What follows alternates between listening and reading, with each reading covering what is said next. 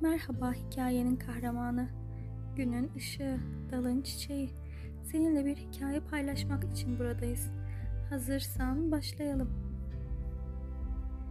Hikayemizin adı Yıldırım.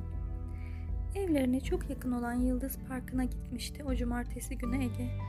Yıldız Parkı'nda kocaman ağaçların arasındaki patika yollarda gezinirken Afrika'nın tropik ormanlarında dolaştığını düşlüyor, önünden kaçarak yıldırım hızıyla ağaçların tepesine tırmanan sincapları geveze maymunlar olarak görüyordu.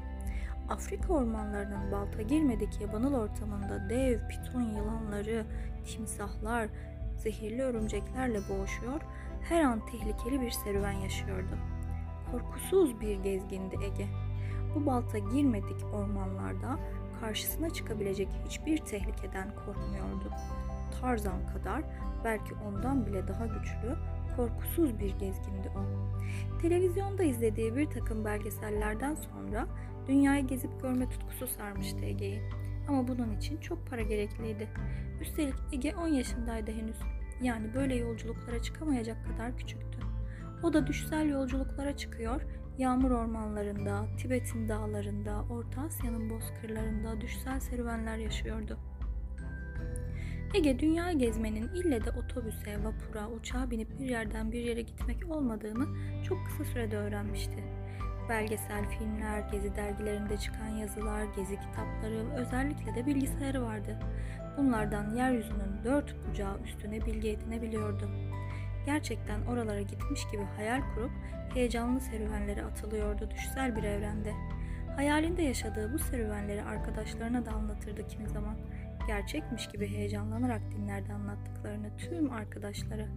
Onlar da Ege ile birlikte düşsel yolculuklara çıkarlardı. O gün yine Afrika ormanlarında düşsel bir serüven yaşamaya başlamıştı. Yerlilere büyük zararlar veren Gargantu adlı dev gorili yakalayıp bir hayvanat bahçesine götürecek, yerlileri bu dertten kurtaracaktı. Yıldız Parkı'nda ağaçların arasında yürüyor, Gargantu'yu nasıl tuzağa düşürüp yakalayabileceğini düşünüyordu Ege. En iyisi kalın sarmaşıklardan sağlam bir kement yapıp bir ağacın gövdesine bağlamaktı. Kemendin ortasına koca gorilin sevdiği yiyeceklerden yerleştirirdi. Gargantu bu yiyecekleri yemek için kemendin içine girdiğinde Ege'de sarmaşağa asılır, ayaklarından yakalardı koca gorili. Ege keyifle bunları düşünür, kuracağı tuzak için uygun bir yer ararken birden gökyüzü karardı. Bardaktan boşalırcasına şakır şakır yağmur yağmaya başladı. Şimşekler çatlıyor, yıldırımlar patlıyordu. Bu ansızın başlayan sağanaktan bir parça olsun korunabilmek için az ötesindeki koca meşe ağacının altına sığındı Ege. Yağmur öyle şiddetliydi ki koca meşe ağacının altına sığınana kadar sırılsıklam olmuştu. Afrika ormanları böyledir işte. Birden başlar yağmur. Hazırlıksız yakalayıp ıslatır insanı. Neyse ki böyle büyük ağaçlar insanı bir parça bile olsa koruyor yağmurdan. Tam bunları düşündüğü sırada kulakları sağır edecek kadar şiddetli bir gümbürtü koptu.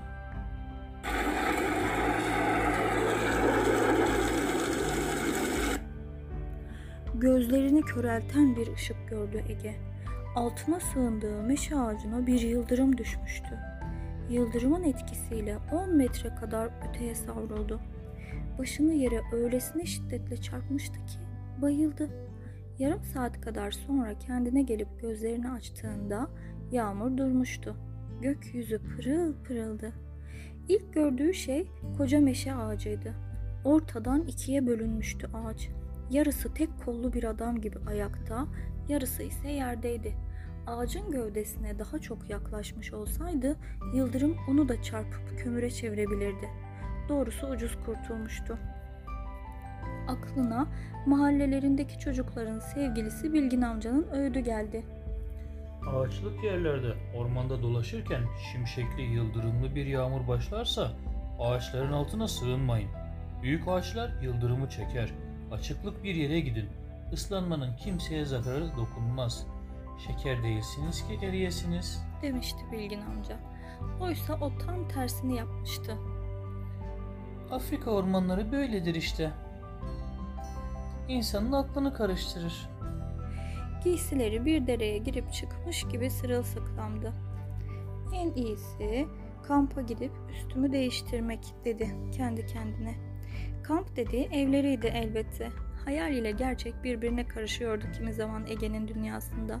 O da bunun gerçekten tadını çıkarıyordu. Üstünü değiştirdikten sonra gider, yaşadığı bu müthiş serüveni Bilgin amcaya ve onun çalışma odasından hiç eksik olmayan çocuklara anlatırdı. Üstünü değiştirip Bilgin amcalara gittiğinde onu mahallenin çocuklarına Japonya öyküleri anlatırken buldu. Tokyo'nun merkezi sayılan Shibuya'daki dev alışveriş merkezlerini anlatıyordu Bilgin amca. Ama kentin kenar mahallelerine gittiğinizde bahçeli, çoğu tek ya da iki katlı, geleneksel Japon mimarisine göre inşa edilmiş ahşap evlerle karşılaşırsınız. Hepsinin önünde ya da bahçesinde bambu fidanları ve mevsim çiçekleri vardır. Apartmanların az ötesinde filmlerde gördüklerimize benzer evlerle karşılaşmak çok şaşırttı beni. diyordu Bilgin amca. Ege gözlerini kapadı ve Shibuya'da olduğunu düşledi bir an. Oralara gidebilmeyi, Bilgin amcanın anlattıklarını kendi gözleriyle görebilmeyi çok isterdi doğrusu. Ege birden kendisini Shibuya'da buluverdi. Ürpererek baktı koca koca yapılara. Trafiğin gürültüsü, kaldırımlardaki kalabalık pek şaşırtmıştı onu. Otobüsler, otomobiller, bisikletliler gidip geliyor. İnsanlar yarı bellerine kadar eğilerek birbirlerine selam veriyorlardı. Kulağına çarpan sözcüklerden hiçbir şey anlamıyordu. Gördüklerinin bir düş değil, gerçek olduğunu anlaması çok sürmedi. Gerçekten de Tokyo'da Shibuya'daydı. Ege, müthiş bir korku salıverdi yüreğini. Dilini bilmediği, kimseyi tanımadığı bu koca kentte tek başına ne yapabilirdi ki? Hayallerinde gerçekleştirdiği serüvenli yolculuklarla hiç ilgisi yoktu burada bulunmasının. Buraya nasıl gelmişti? Geriye İstanbul'a nasıl dönecekti?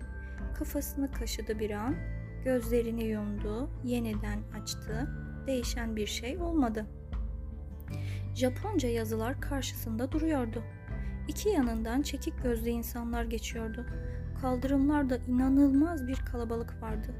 Kulağına gelen sözcüklerin hiçbir anlamı yoktu. Sanki bir tuzağa düşmüş gibiydi. Bir şeyler yapması gerekiyordu. Aklına gelen ilk şeyi yaptı o da. Gözlerini yumup kendini bambulu geleneksel bir Japon evinin önünde hayal etti. İşte oradaydı. Doğrusu pek şaşırmıştı bu işe. Kapının önünde kendi yaşlarında bir kız vardı. Yere çizdiği kareler üzerinde tek başına seksek oynuyordu. Hemen kızın yanına gitti Ege. Konuşup anlaşmaları olanaksızdı. Yaşadığı heyecan öylesine büyüktü ki çok susamıştı. Ege bir bardak tutar gibi yapıp elini ağzına götürdü. Su içer gibi yaptı. Hay, shotto, matte, kudasai dedi kız. Oyunu bırakıp koşarak arkasındaki eve girdi. Biraz bekle demek istemişti. Az sonra kocaman bir bardağın içinde buz gibi suyla geri dönmüştü. Kana kana içti suyu Ege. Başını selam verir gibi eğdi, Teşekkür ederim. dedi. Bardağı alırken do, itashi, maşe diye yanıtladı kız onu. Teşekkür ederim. dedi Ege yeniden. Hoşça kal, sayonara diye seslendi kız ardından. Nereye gideceğini, ne yapacağını bilmeden sokakta bir süre yürüdü Ege. Shibuya'dan daha sakin bir yer burası. O yoğun trafik, kalabalık, koca koca yapılar yoktu burada. Gerçekten de Bilgin amcanın anlattığı gibi geleneksel evler çok güzeldi. Bambu fidanları bu eski yapılara kendilerine özgü bir güzellik katıyorlardı. Karşıdan gelen kimono giymiş yaşlı bir kadınla selamlaştı. Uzanıp bir bambu fidanından küçük bir dal kopardı. Sivri uçlu, merdiven gibi yükselen yapraklarıyla bir heykel gibiydi kopardığı dal. Elindeki küçük dal gerçekti. Bir düş görmediğinin kanıtı olmalıydı bu da. Bu yaşadıklarına inanamıyordu. Buraya nasıl gelmişti? Bu yabancı insanların arasında ne yapacaktı? Evine nasıl dönecekti? Birilerinden yardım istemeliydi ama nasıl? Japonca bilmeden derdini anlatamazdı ki kimselere. Hem Japonca bilse bile kim inanırdı ki anlatacaklarına? Geriye dönüp kendisine su veren kızla İngilizce konuşmayı düşündü. Okulda öğrendikleri İngilizce ile adını, Türk olduğunu, İstanbul'dan geldiğini çat pat da olsa anlatabilirdi o Japon kıza. Peki o İngilizce biliyor muydu acaba? Gözlerini kapayıp yeniden İstanbul'da olmayı çok isterdi. Yüreği pıt pıt atarak kızın bulunduğu yöne doğru yürürken buraya Shibuya'yı hayal ederken gelmiş olduğunu anımsadı. Sonra geleneksel bir Japon evini hayal etmiş, kendisini sokakta bulmuştu. Belki yine Bilgin amcanın evinde olduğunu hayal etse kendisini orada bulacaktı. Gözlerini yumup Bilgin amcanın evinde olduğunu hayal etti bu kez. Pıt oradaydı. Bilgin amca hala Japonya'yı anlatıyordu. Kimse onun gidiş gelişini fark etmemişti bile. Demek ki gidiş gelişi çok kısa sürmüştü. Bu konuyu mutlaka Bilgin amca ile konuşması gerekiyordu. Ama önce öteki çocukların gitmesini beklemeliydi. Az sonra Bilgin amca çocuklara anlattığı Japonya öyküsünü bitirdi. Çocuklar vedalaşıp ayrıldılar oradan. Bu hikayede seni ağırladığımız için mutluyuz. Sesimize renk, kovanımızda bal oldun. Sevgiyle kal. Hoşça, Hoşça kal.